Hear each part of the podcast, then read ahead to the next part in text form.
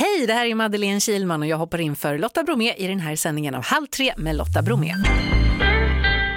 Hej! Nej men hej! Nej men hej, vad roligt. roligt. Jättekul! Det är så här, Äntligen fick vi träffas. ja, men Ja. Det, här, alltså det här är så länge sedan. Vi har träffats som hastigast en gång förut. Mhm. Det är säkert 20 år sedan. Jag jobbade på Radio Uppsala på den tiden. Jaså minsann. Hur har du haft det sedan dess?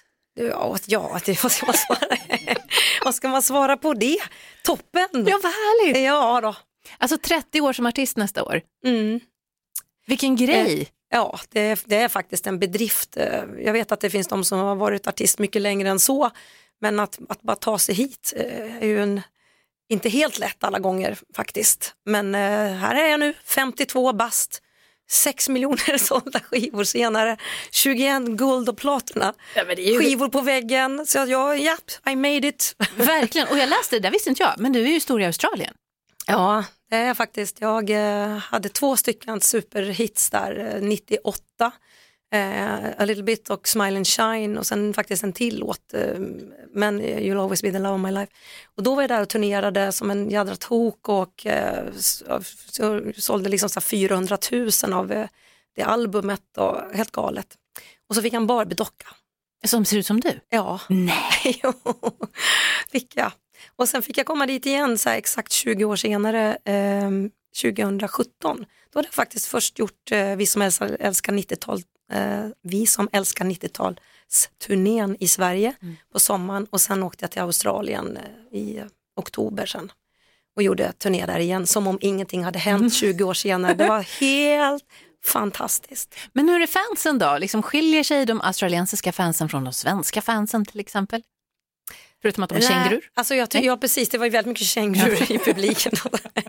nej men det, nej det tycker jag inte. Jag, jag tycker att man känner sig som att man är i Skandinavien när man kommer till Australien. Det är väldigt, man känner sig väldigt hemma på något sätt.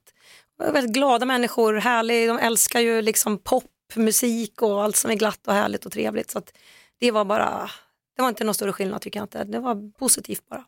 I Finland så har du varit med i både Melodifestivalen och Masked Singer. Ja, Vad var du för figur i Masked Singer? Vad var du för något? jag var peacock.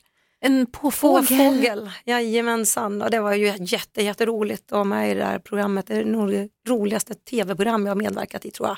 Konstigaste också. Ja, det kan jag tänka mig. Men det är jättekul. Jag kom till semifinal. Ah. Ja. Sen gick det inte längre, vi var tre kvar och, och, eh, då, och så han, höstacken han vann.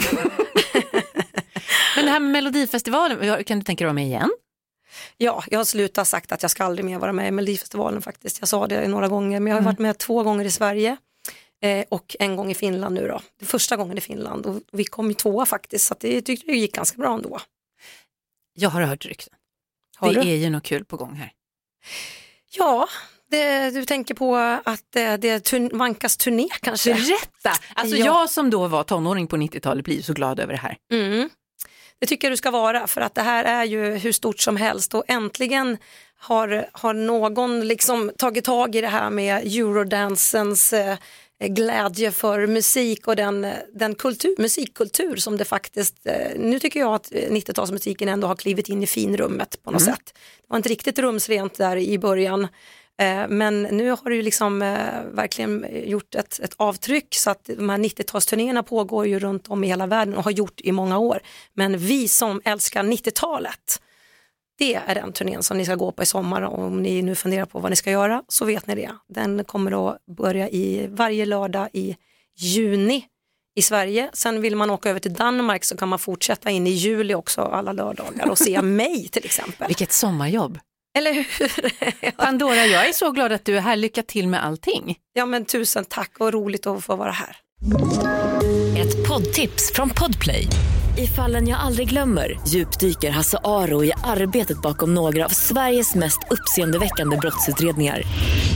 Går vi in med hemlig telefonavlyssning och, och då upplever vi att vi får en total förändring av hans beteende. Vad är det som händer nu? Vem är det som läcker? Och så säger han att jag är kriminell, jag har varit kriminell i hela mitt liv men att mörda ett barn, där går min gräns. Nya säsongen av Fallen jag aldrig glömmer på Podplay.